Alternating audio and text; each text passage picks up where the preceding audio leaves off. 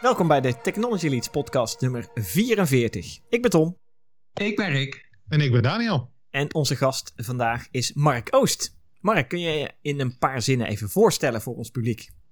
Ja, geen probleem. Uh, mijn naam is uh, Mark Oost. Ik uh, ben de Global CTO voor AI binnen Society. En ik hou me vooral bezig met ons ja, globale um, artificial intelligence portfolio. Geweldig. Nou, dat voor de luisteraars is gelijk duidelijk waar uh, deze podcast over zal gaan. Uh, de, ik vermoed zomaar dat AI een grote rol gaat spelen hierin. en een van de topics die we zeker beter gaan, beet gaan pakken is het onderwerp virtual humans. maar daar gaan we dadelijk verder in duiken met je, Mark. Dus voordat we daar zo aan komen, beginnen we altijd met een aantal tech-updates van onze kant. en ik wil bij Rick beginnen vandaag. Rick, wat is jouw tech-update?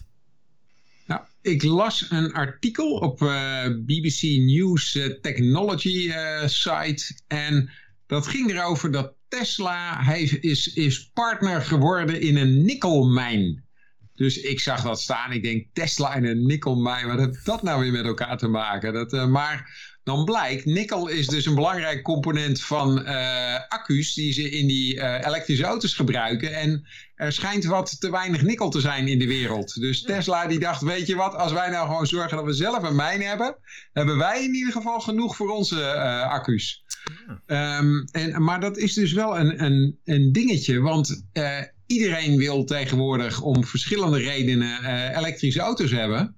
Maar dat uh, kunnen ze dus gewoon niet, uh, niet bijsloffen eh, met al, al die batterijen die nodig zijn.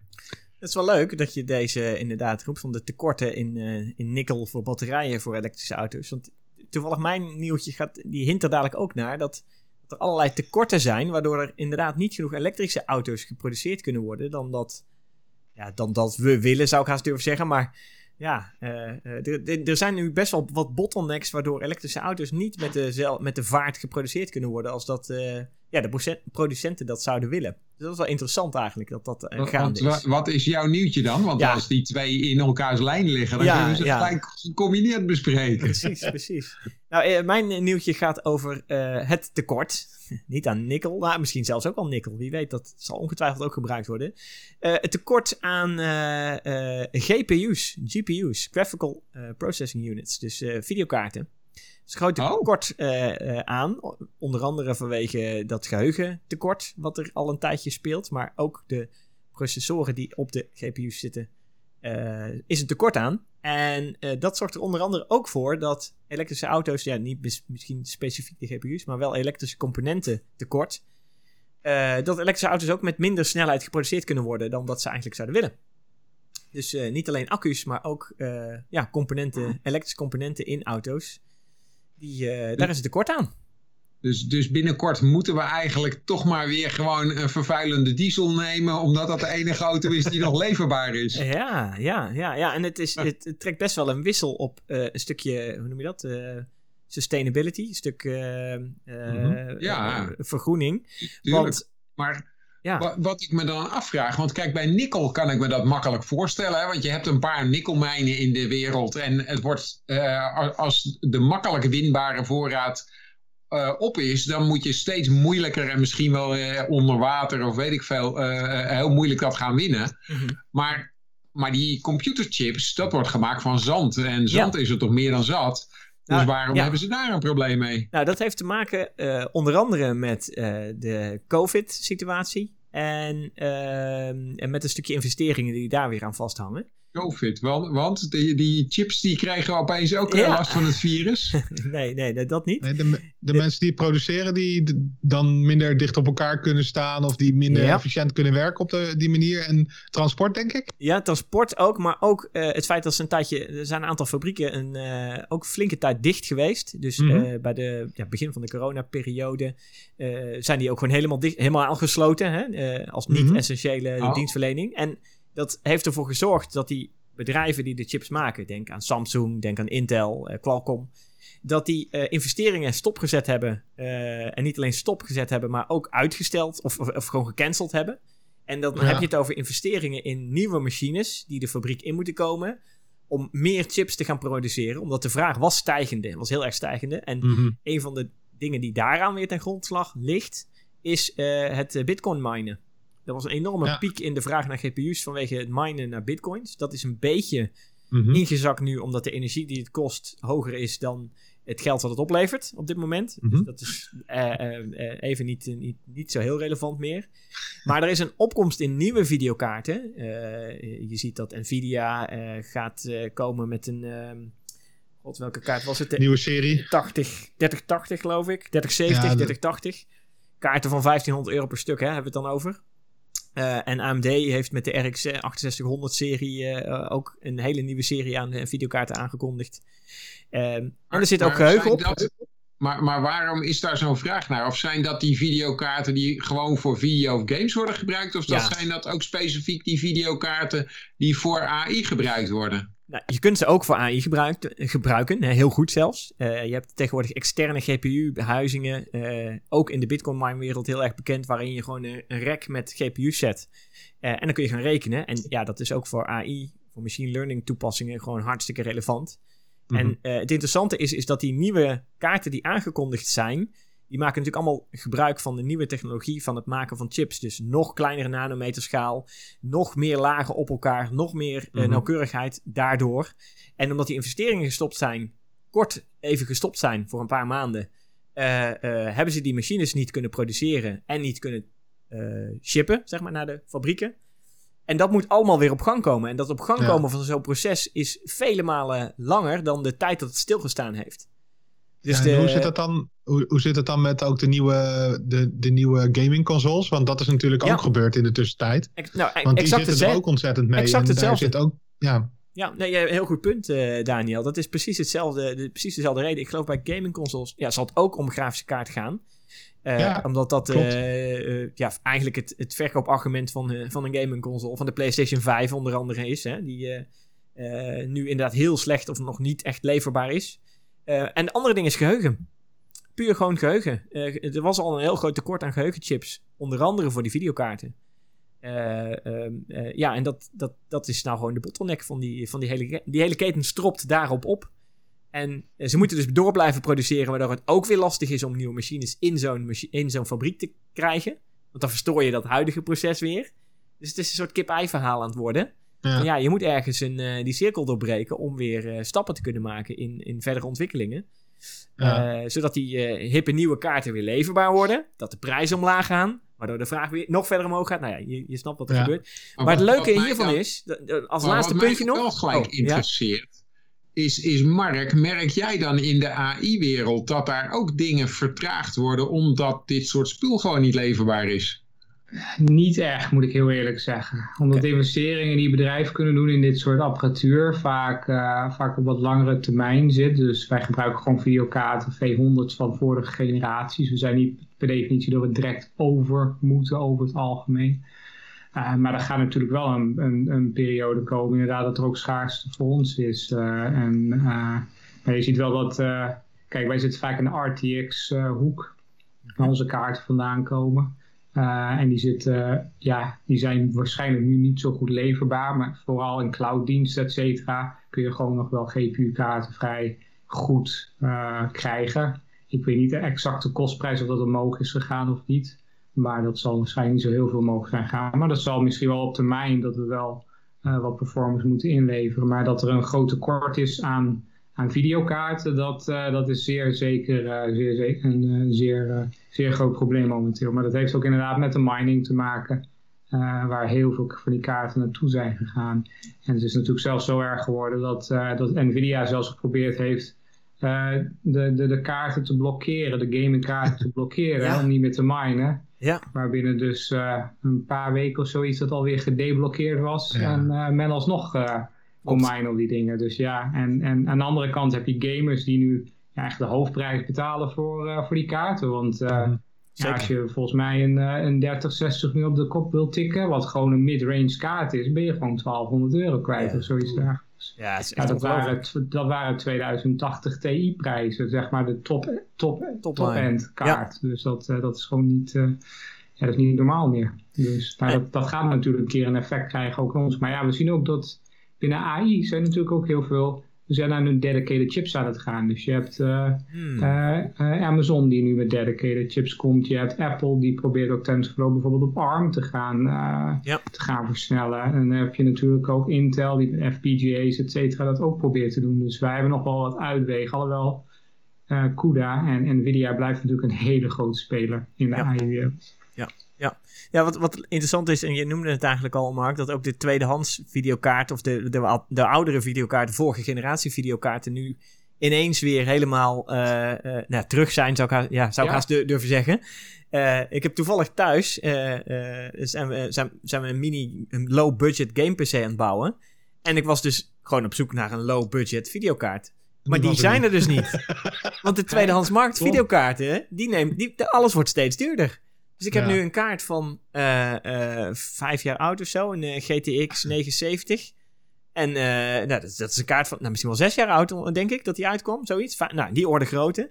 Ja, maar dat, daar, daar betaal je nog gewoon flink wat geld voor, hoor. Hij doet het prima. Het is een, een prima kaart, daar niet van. Maar het is, het, is, het is niet een, een echt low-budget game PC die je ermee kunt bouwen op dit moment. Nee, ja, het is heel zelf- lastig. ik heb zelf een, ik heb zelf een eh, twee- 2070 en een Mhm. Andere kaarten liggen. En eh, ja, in theorie kun je die gewoon voor tweedehands nu voor dezelfde prijs verkopen als dat je toen de tijd Ja, ja. Het is gewoon een goede investering bijna gebleken nu, hè? Ja, ja, ja. ja. Ja, ja, absoluut, absoluut. Ja, dus dat is fascinerend. En eh, Ri- Rick, we hadden het net over de eh, stukje sustainability en eh, ehm, eh, het feit dat we weer oude diesels moeten gaan kopen. Maar de, ja, de oude videokaarten, die verbruiken ook nog eens veel meer energie. Dus ook op Mhm. dat vlak, ja, eh, Oh. eh, eh, gamen we nu met, met tussen aanhalingstekens oude diesels, hè? zou ik durven Ja. zeggen. Die ook nog ja, best wel wat... alhoewel bij de 2000-serie al wat minder was. Dat is de waar. 2000-serie en de 3000-serie is wel weer dat weer omhoog gaat. Maar de 1000-serie inderdaad was wel een, eh, een hele, hele grote verbruik. Ja, want Ja. die- da- daar zag je vooral de enorme koelingsoplossingen, heatpipe Ja. systemen. en, de, de hoeveelheid ventilatoren waren niet aan te slepen zo'n beetje om die, Ja. om die hitte allemaal af te voeren. ja, dat is, dat is nu echt wel eh, een stuk minder inderdaad. Mhm. Ja, ja Hey, zeker. maar Rick, ehm, over Tesla. Die, ehm, die worden dus partner van de nikkelmijn. Maar is dat vooral om, om zeg maar de eerste batch te krijgen uit die nikkelmijn? Of eh, wat, wat, wat is precies het idee daarvan? Is dat gewoon... Ja. eh, zij zitten daar gewoon dichter bij de bron op het moment dat ze nikkel nodig hebben voor hun batterijen. ja, dus dat zij zeg maar veer- first choice hebben of zo. Dat zij kunnen, kunnen zeggen van doe ons maar die, eh, die hele batch bijvoorbeeld. Ja, dat, eh, ja, dat is toch makkelijker als je zelf Ja. eigenaar bent van die mijn. Om dan eh, wat... wat ja, oh, ze zijn echt eigenaar. Niet partner. ja, Want- Maar- ja, Maar is, want ik ken Tesla ook wel als een bedrijf. partner, maar Ja. het is een Engels artikel. Dan moet je inderdaad Oh, ja. even in business Engels gaan verdiepen wat het woord partner, Partner dan exact betekent. eh. ja. Maar is, is, want ik ken Tesla ook wel als een bedrijf dat heel graag de hele keten in handen wil hebben. Ja. Hè? Verticale integratie. Precies, precies. Is, het, is dat niet de strategie hier? Ja. Nou, dat, dat kan natuurlijk wel erin meespelen. Ik, ik had het artikel gesloten, dus ik ben het nu even gauw weer aan het openen. Sorry. Ja, Het is nou niet dat ze morgen niet meer nodig hebben. Dus dat is Nee. het punt ook een beetje. Het Daarom. is ook wel iets... eh, en hebben ze betaald in bitcoins? Dat is ook mijn vraag dan. Ze gingen toch, eh, nou ja, ze zijn toch druk aan het in investeren. ongeveer. Ja, ze hebben er genoeg van volgens mij, nog. Ja. Dat wel. Zou, de, zou je de... Nou ja, goed, dan wordt het heel gek. Inderdaad. Nee, ik, zou je al die Tesla's in kunnen zetten? Want ik zag pas een mooi filmpje van een parkeerplaats vol met Tesla's die allemaal over die air updates kregen. En dan krijg je een soort heel mooi knipperlichtpatroon, omdat die Mhm. knipperen als ze data krijgen of in ieder geval een update doen. Ik zag je heel mooi. Het zag er bijna kunstachtig uit, vond ik. Ik, ik zie Mark ook knikken. Je hebt hem ook gezien, of niet, het filmpje? Ja, ik heb hem ook gezien. Ja, Ja, ja. Ik zat gelijk te denken of je daar eh, niet ook mee kunt gaan minen als die toch stilstaat. Ik weet niet. Er zitten, vroeger zaten er volgens mij Nvidia GPU's in. Ja. Of uh, althans, dedicated kaart voor natuurlijk Ja, auto's. Niet, eh, niet een, eh, gewoon een gaming GPU. Volgens mij, tegenwoordig hebben ze eigenlijk dedicated eigen hardware. eh, die ze zelf ontwikkeld hebben. Ja, precies. Maar Ja, ik wordt ga het er een beetje uit met alles wat ze moeten berekenen rondom de self-driving uh, Ja. capabilities die ze hebben. Dat dat natuurlijk vergelijkbare matrix multiplicaties zijn. Dus Ja. uh, in theorie uh, zou het moeten kunnen. Ja, ja, ja, ja, ja. Ik bedoel, als je auto dan Ik zal toch het gaan stilstaat. proberen vanavond. Wel leuk, ja. Als hij dan toch stilstaat, hè, dan Ja, eh, ja. ja. Heeft, hij, eh, heeft hij nog wat te doen, inderdaad. Ja. En als je dan ook nog mooi zonne-energie gebruikt om op te laden, Ja. dan hebben we dat, eh, dat probleem ook getackeld. Voorbij verdienen tijdens COVID. ja, nou ja. Is je, is je stilstaande auto toch nog ergens goed voor? Ja, ja. ja. Mooi. Ik, eens even Heeft, eh, kijken. Daniel nog ja. een leuke update. Goeie. Ja, ehm, we hebben het volgens mij vorige keer al een keer gehad over Clubhouse. Dat is de Ja. drop-in audio ehm, app die helemaal een hype was. Was, zeg Dus- je al? Of ja, eerst nog Was? steeds. Ja, ik heb op jouw advies heb ik hem net geïnstalleerd, zeg. Ja, sorry, ik ben er alweer, ik ben er alweer op uitgekeken, jongen. Ja, jongen. Ik wilde binnenkort een, eh, een podcast Maar op gaan nemen met Clubhouse. Clubhouse? Ja. Nee, ehm, Twitter die is, eh, die is bezig om eh, zelf ook ehm, zo'n soort concept te maken. En dat integreren ze in Twitter dan natuurlijk. Ehm, En dat heet Twitter Spaces. En die hebben eigenlijk in december... Sorry?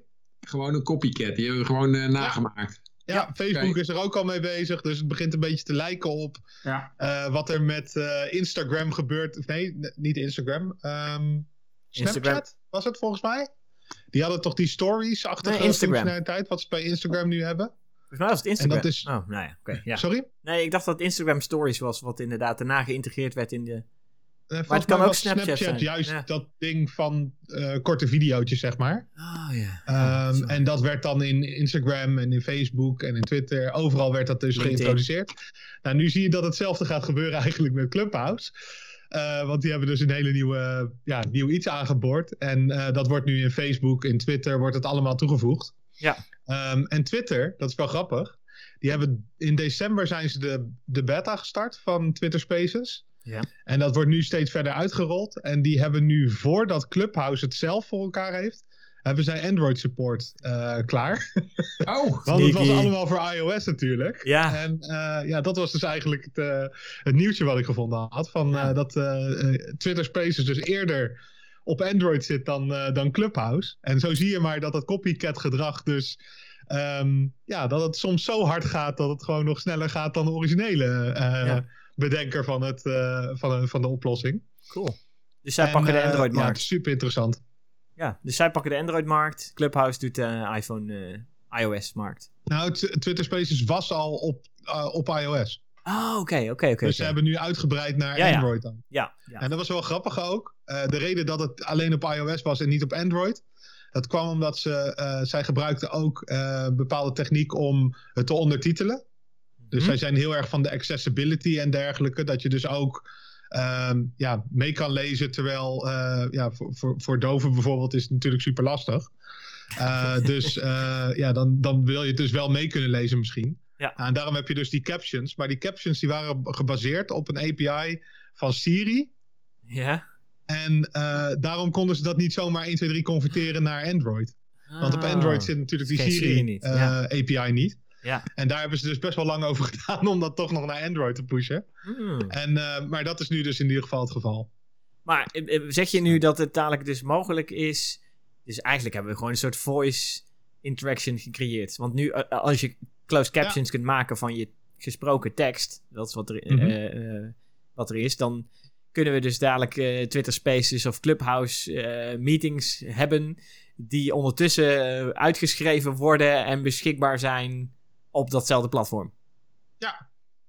Ja, en op dit moment is het volgens mij zo bij Twitter Spaces dat die niet naderhand terug te kijken is bijvoorbeeld. Dus het is echt alleen Ah, maar oké, live. alleen live, ja. Ja, dus je kan niet later is. terugkijken. Je kan wel volgen als je bijvoorbeeld je telefoon er gewoon bij pakt en je klikt zo'n Spaces aan en je wil niet meeluisteren. Ja. Dan kan je dus wel gewoon de, de captions aanzetten zonder dat je mee hoeft te luisteren. Oh, oké, oké. Dus maar jij zegt terugkijken, maar ik begreep dat Clubhouse alleen maar geluid is. Daar zit geen beeld bij, toch? Ja, terugluisteren, sorry. Dat, ehm, Ja, oké, maar, maar die captions die komen dan dus wel in beeld. eh, Dus dan zie je eigenlijk alleen maar gewoon zwart scherm met, eh, met ondertitels. Nou, dat is ook wel interessant aan de Twitter Spaces. Bij Twitter Spaces kan je ook tweets bijvoorbeeld delen met een Twitter Space. Dus net zoals wij met die, Ah, ja. die tech-updates nu eigenlijk bezig zijn, dan zouden wij dus eigenlijk ook gewoon dat gaan, kunnen gaan doen via, via Twitter Spaces. En dan vervolgens dan eh, zegt Rick eerst, joh, ik heb een nieuwtje over Tesla. Ik share even een, twi- tweet met, eh met eh, Twitter Space. En dan vervolgens zegt, zegt Tom van, joh, ik heb er nog eentje over Nvidia. Nou, dan kan je dat dus op die manier een beetje gaan delen. En dan kan je dat ook meteen bespreken. En voor iedereen die het volgt, kunnen ze dan ook ehm, ja, kunnen ze meteen die link aanklikken en verder lezen. Dus het is eigenlijk Dus, een soort... zitten het is eigenlijk weer een soort- daar in een andere aflevering eens eh, mee experimenteren. Nou, inderdaad. Het klinkt een Ja, beetje alsof we toch weer eh, een soort Twitter stories hebben, met- maar dan met audio of zo. Ja, ja, zo is het eigenlijk ook. Want als je, je hebt nu die Fleets, heet dat volgens mij. Dat is datgene wat bovenaan staat in Twitter. Dat zijn dus van die eh, ja, Instagram stories, maar dan van Twitter. Ja, ja, ja. ja, ja. Ehm, en ehm, daar komen ze ook bij te staan. En dan krijg je een Ah. ander soort kenmerk eigenlijk, waardoor je ziet van hé, hey, Het dat is, een eh, space van iemand. ja, En dan, eh, ja, dan kan je daar dus ja, op aanhaken. En als die op een gegeven moment afgelopen is, dan kan je er weer uit.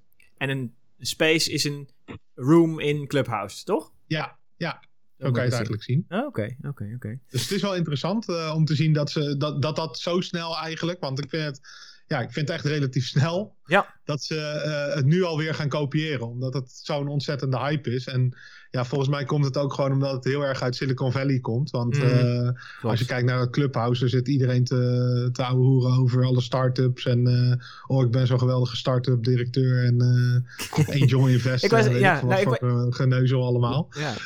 ik wilde inderdaad nu een. want eigenlijk is de belangrijkste vraag: de technologie hebben we het nu over gehad. Leuk, prima, hè, helemaal, helemaal goed. Maar hoeveel gebruiken jullie Clubhouse?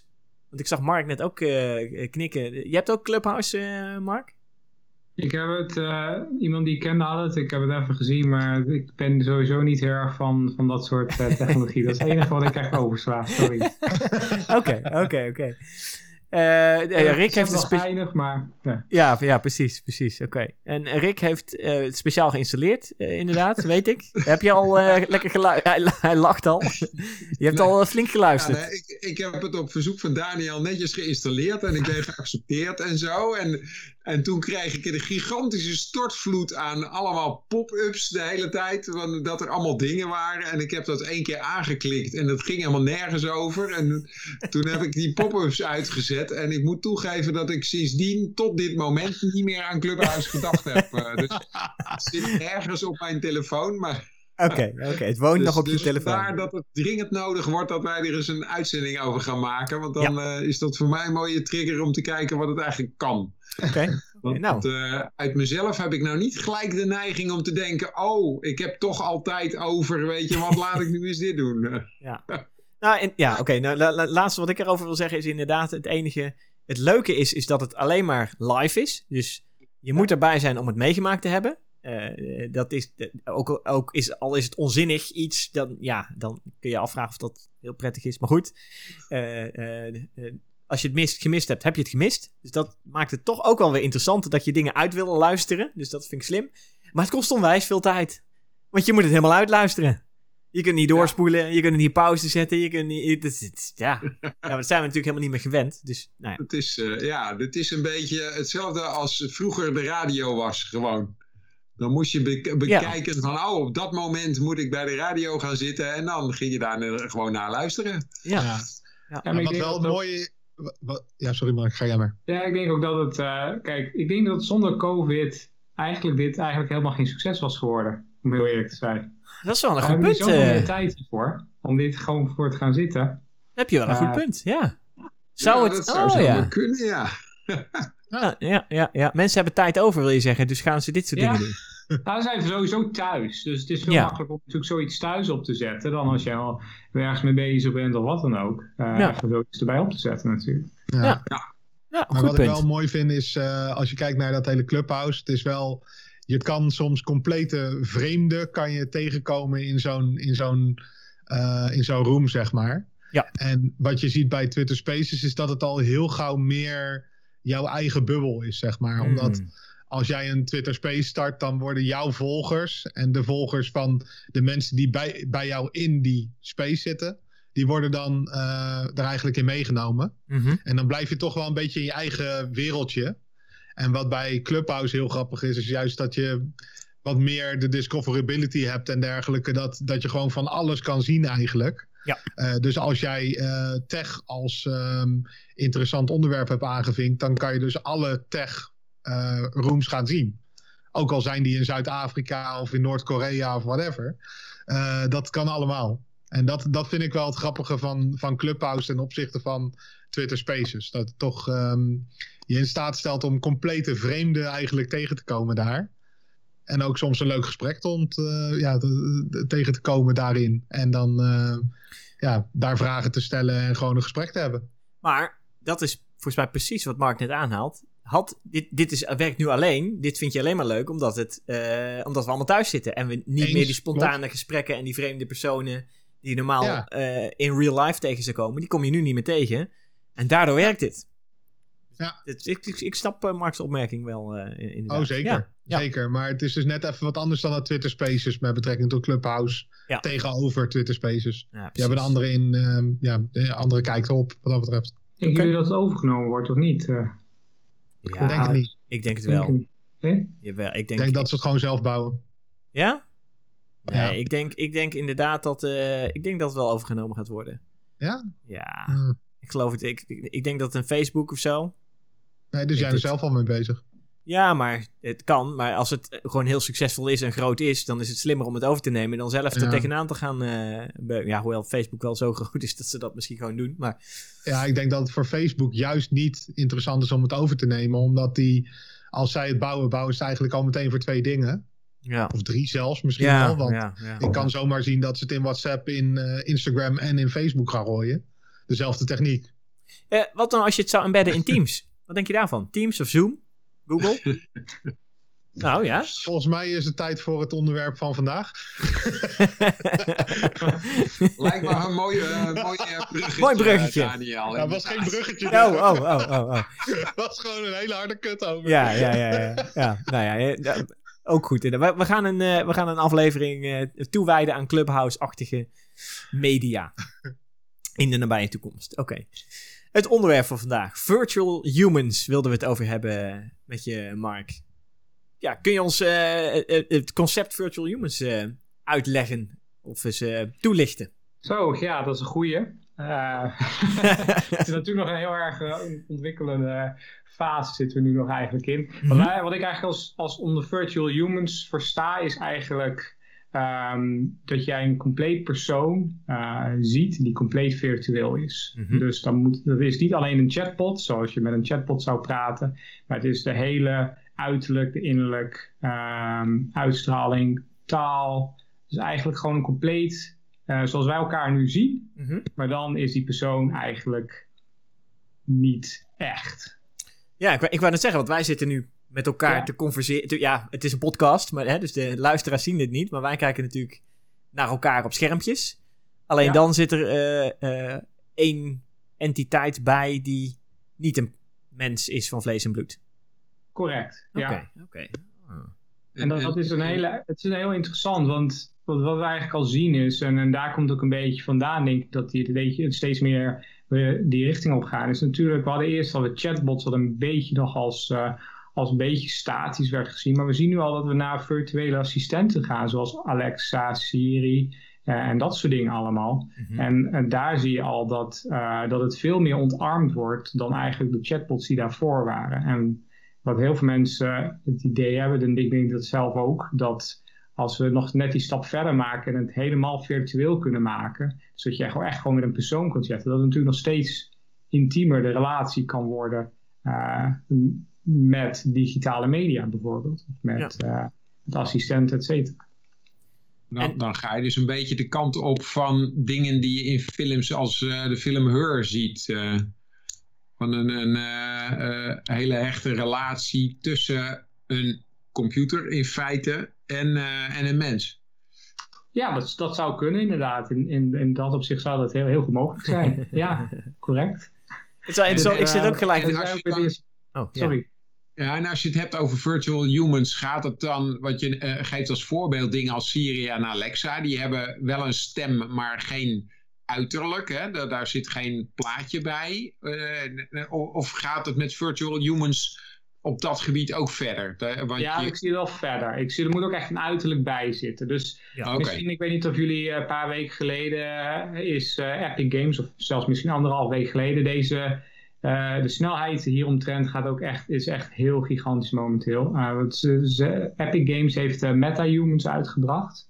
Uh, althans nog niet uitgebracht. De eerste voorbeelden zijn naar buiten gebracht wat je daarmee kunt. En daar zie je dus echt uh, visueel gewoon een complete persoon. Die kun je daarin creëren en die kun je allerlei dingen laten doen. Het mooie is, omdat we dat, dus dat visuele kunnen maken met behulp van, van dit soort technologieën van Epic Games, maar we hebben ook natuurlijk andere technologieën rondom uh, generative adversarial networks, et cetera. En dat combineren eigenlijk met de punt waar AI nu staat, is eigenlijk dat al die technologieën momenteel bij elkaar gaan komen in eigenlijk uh, ja, wat wij noemen virtual human of misschien digitale coworker uh, in, in de toekomst trouwens kunnen zijn.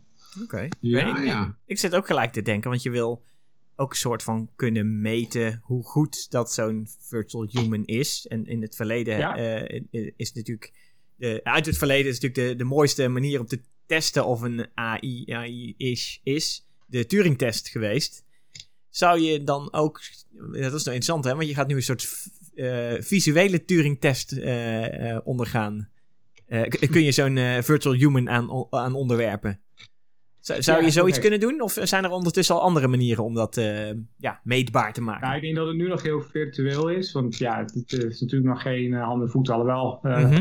robotics natuurlijk ook vrij vlot aan het ontwikkelen is uh, als we toch naar de Ja. echte wereld gaan. Ehm, met Boston Dynamics natuurlijk, die Ja. weer hele mooie kerstfilmpjes erop op, op internet gegooid had rond de jaarwisseling. Zeker. En, maar wat we, wat we wel zien inderdaad is dat um, door ook uh, de, de, de language modellen die eronder zitten, die ook steeds geavanceerder worden, is um, dat ik denk dat we niet heel ver weg verwijderd zijn van, van, van virtuele mensen die jij in theorie, als je er gewoon mee praat, een beetje casual, dat jij niet meer de onderscheid kunt maken uh, tussen echt en nep. En dat kan natuurlijk ook heel gevaarlijk zijn. Ja, En dat zijn wel nieuwe dingen uh, waar, we, waar we ook over moeten nadenken.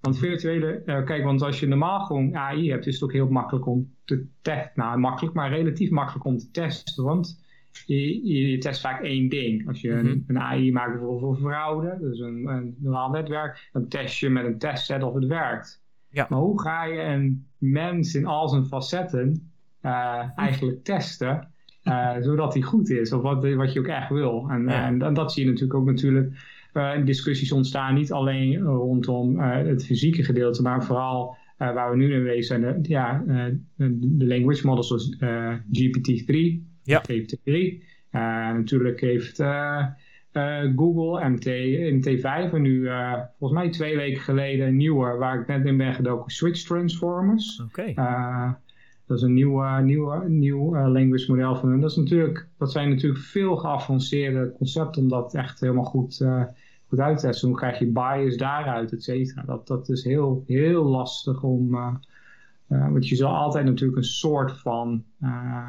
van bias in de data hebben. Ja, ja, want dat gaat dan verder ook dan de, de, de nu al verder dan de, de hm's die destijds de Google Assistant demo liet zien bij het maken van een afspraak bij de kapper. Hè? Dat, dat was natuurlijk. Ja, dat was toen de tijd Fenomenaal. een doorbraak. Ja. Maar dat, dat is tegenwoordig. Is dat... Als je daarmee aan, met zo'n demo komt aanzetten, dan, uh, dan nee. Dat, okay. uh, ja, ja, ja. Dan wordt het niet heel erg warm voor nee, nee, nee, nee. ja, het doet me wel een beetje denken aan. Uh, ja, Microsoft die heeft van de week een conferentie gehad, Ignite. Ja? En die hadden iets, iets eigenlijk. Mesh. ja, Mesh hadden ze ja. inderdaad hadden ze aangekondigd. En dat is een soort van um, ja, manier om. Ja, holoportation noemden ze dat volgens mij. Uh, dat is zeg maar dat je een, een soort van.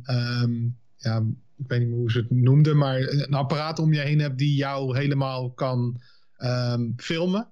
En uh, vervolgens kan die jou dan soort van transporteren naar de andere kant van de wereld. Ja. Waar iemand dan zijn HoloLens op heeft. En die kan jou dan live zien door die, door die HoloLens. Alsof het in dezelfde kamer gebeurt. En wat, je, wat zij daarnaast hadden, en dat was dat mesh-verhaal eigenlijk. Is dat het niet alleen dat is, maar ook dat je je avatar bijvoorbeeld kan maken. Voor mensen die, uh, die, geen, uh, die geen HoloLens bijvoorbeeld hebben. Of die bijvoorbeeld niet zo'n apparaat hebben wat je volledig kan scannen. En wat je in, uh, in video naar de andere kant van de wereld kan brengen, zeg maar. Maar dat je dus een soort van. Um, ja, een soort virtuele. virtuele ja, avatar eigenlijk gaat krijgen waar je dan mee kan doen aan meetings en dergelijke en dat soort dingen. Dat, ja, het had vooral een beetje het idee van, joh, we kunnen op deze manier zorgen dat het uh, niet zo saai alleen maar achter je, achter je bureautje zitten is, naar een uh, schermpje kijken, maar dat het gewoon wat, wat, wat interessanter wordt voor, voor zulke dingen. Krijgen een beetje... Het verschil is dan wel dat wat jij beschrijft, Daniel, dat zijn Echte dat, mensen. Ja. Dat is een weergave van een echt mensen. Wat Mark ja. beschrijft zijn bestaande mensen. Ja, en dat kan ik dus... Dat is een vervolgstap, denk ik. Dat je gewoon kan hebben... dat hand je, in hand, denk ik. Ja. Twee dingen. Mm -hmm. uh, Microsoft zien we ook heel veel patenten momenteel. Ik had de laatste uh, paar weken nog met uh, een paar van onze collega's over. dus Microsoft had wat, wat patenten ook ingediend rondom inderdaad het creëren uh, ook van virtuele, virtuele mensen, zeg maar, als, het, als zodanig. We zien heel erg de, de, grote techbedrijven daar heel veel patenten naar rondom, uh, rondom indienen. Dus we staan echt op de vooravond van, uh, van deze technologie, die, die denk ik wat toegankelijker gaat worden, ook voor mensen buiten de, buiten de, de traditionele. Ja. ja. AI-club. Want wat ik me zit af te vragen, uh, het is mooi dat het technisch kan, maar wat wordt nou de, en, en dan met name de, de zakelijke toepassing van virtual humans? Hè? Want in de gamingwereld kan ik me er van alles bij voorstellen en in de, eh, eh, of breder entertainment, dat, daar kan ik me vrij snel voorstellen. Maar wat, wat zou in de zakelijke wereld nou met virtual humans kunnen?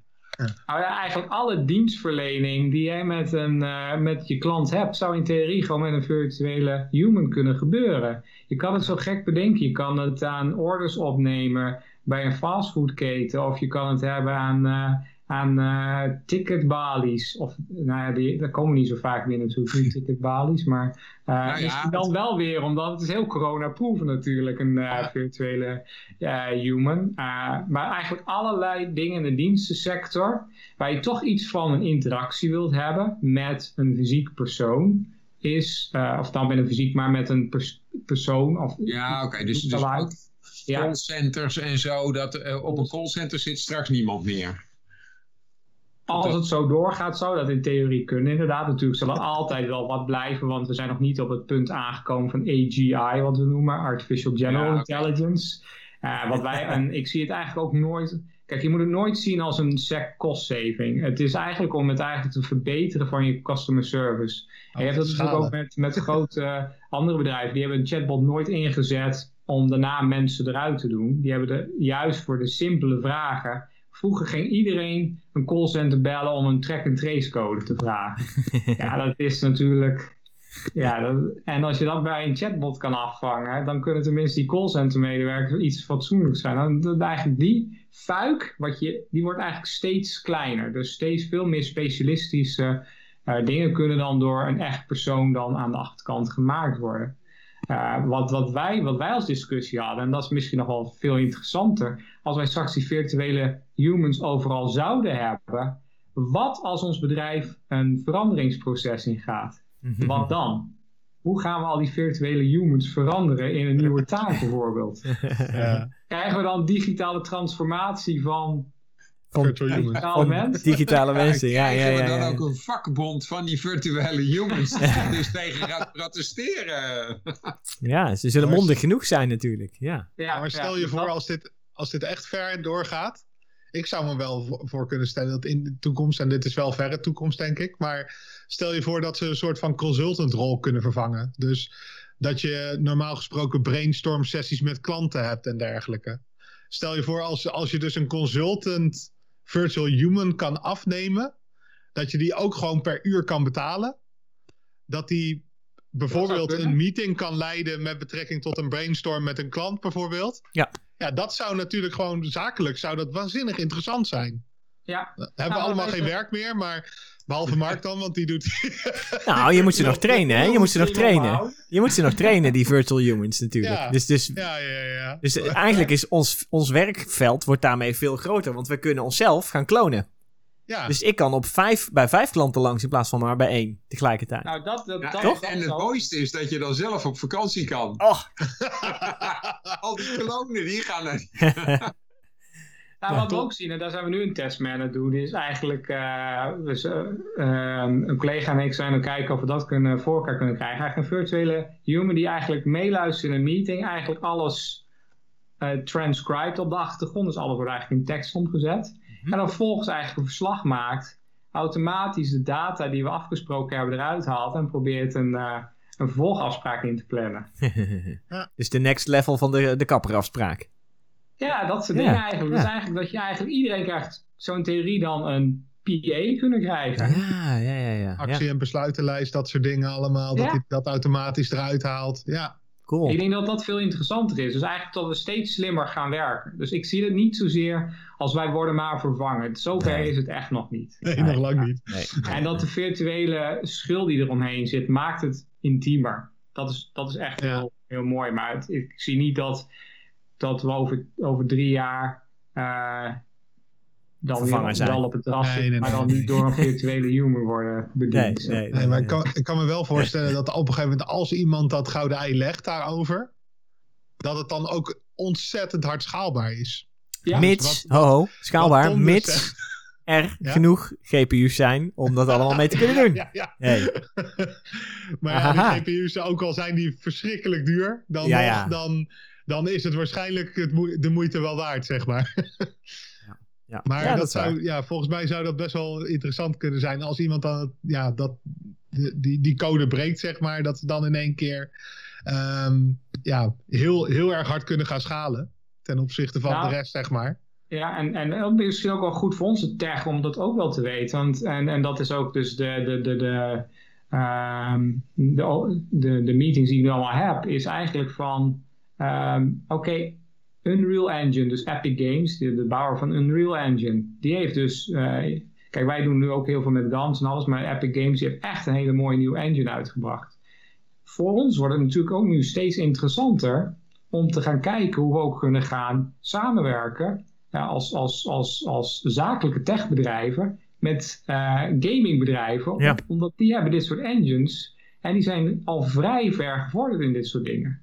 Ja. Dus we zien ook steeds meer uh, kruisbestuiving ontstaan van waar eigenlijk de gamingwereld steeds meer opschuift richting, uh, richting de zakelijke markt. Ja. Ja, nou, dat, is, dat is helemaal niet verkeerd. Dat is hartstikke, juist, ja, ja, ik vind het wel leuk ook. Ik bedoel, uh, ja. een beetje meer gamification in onze omgeving mag best, toch? Ja, zo is het ook. Ja, maar nu eigenlijk van een heel ander perspectief ja. natuurlijk. Dus niet eens vanuit het zozeer het gaming stuk gebeuren, nee. maar meer vanuit het... Uh, en, en dat zie je nu dus ook, uh, dat zie je dus nu ook komen echt in de AI-wereld. Van, oh wacht even, we hebben nu een hele nieuwe wereld waar we rekening mee moeten houden. Zeker. Dus er zitten ook echt mensen te kijken van, ja, moeten we niet meer mensen gaan trainen, bijvoorbeeld in de, in de Real Engine, om die te kunnen programmeren. Want daar komt steeds meer, die, die, je ziet steeds meer kruisbestuiving ontstaan. Precies, precies. Ja, ja maar dat, dat, dat is dus ook een leuke in opleidingenland. Want tot nu toe werd er geroepen van mensen moeten meer van AI weten. Maar direct krijg je juist dat mensen dus eigenlijk meer een gaming achtergrond nodig hebben om weer al dit soort uh, dingen te kunnen toepassen. Ja, ja. Ja, nou ja, wel, uh, ja. Zo blijf je eigenlijk nooit stilstaan. Dus dat is een beetje, uh, ge gelukkig is het aantal studenten die gaming studeert maar daar geen werk in kan vinden, zo groot dat je voorlopig nog een enorme pool hebt aan mensen met die kennis. Oké, uh. oké, okay, okay. dat, dat, is goed om te weten alvast. Ja, ja. wat, ik, ik, Moeten we die vast ben, gaan werven? Uh, ik zit in de onderwijsadviesraad van de Hogeschool van Amsterdam en die hebben dus drie, ik geloof drie richtingen qua informatica opleiding, maar verreweg de meeste jongeren die willen uh, de gaming richting op. Dus ze, ze doen allemaal gaming, alleen 80% van die opleiding is precies hetzelfde. En dat, dat gaming is dan één dag in de week. Hmm. En die andere uh, uh, vier dagen leren ze gewoon algemene dingen waar iedereen wat aan heeft. Maar het is wel leuk dat we nu dus ook aan die ene dag dat ze dat gaming uh, hebben geleerd, dat ze daar ook wat aan hebben. Het is wel mooi wat je, wat je, ik vind het wel mooi hoe je dat nu zegt, Rick. Dat, dat iedereen wat aan heeft. Maar iedereen heeft toch wat aan gaming ook? Ja, nou ja, nee, maar dat was dus niet zo, hè? Want heel veel ja, ja, van die studenten die dachten, ik studeer gaming, want daar kan ik wat mee. En dan blijkt dat er zijn maar een paar gameleveranciers. Ja. En die hebben niet zo heel veel uh, nieuwe medewerkers nodig. Dus dan konden ze gelukkig met de rest konden ze andere banen vinden. Maar dat hoeft dus niet meer. We gaan nu allemaal uh, op virtual humans... Uh... Ja, okay. ik denk dat het ook natuurlijk wel weer mooi in, in, in natuurlijk in de, in de mesh van, van Microsoft uiteindelijk. Dus je krijgt we hebben het nu over virtuele humans, maar uiteindelijk heb je natuurlijk een virtuele wereld misschien daaromtrent. Ja. Dus uh, ja, en dan dus een. je eh, eerst, eerst je auto gaat kijken virtueel voordat je hem gaat kopen. precies, ja. Ja. Nou ja, inderdaad. eh, Dat, dat soort dingen gaat natuurlijk ook een hoge vlucht nemen. Hè? Want eh, Daniel noemde net al zo'n HoloLens. Hè? En eh, Apple komt binnenkort ook met hun VR-bril. ja, Ja. daar kan je dus hele... eh, Hele showrooms kun je mee uitschakelen. virtuele ervaringen maken. En, en dat Ja. kan je dan met zo'n virtual human eh, invullen. Ja. Ja. Dat, eh, ja, Precies. Ja, nee, ik kan me voorstellen dat zeker in, eh, ook nog in, nu in coronatijd, dat we eh, dat, dat die enorme showrooms waar maar twee mensen per verdieping binnen mogen.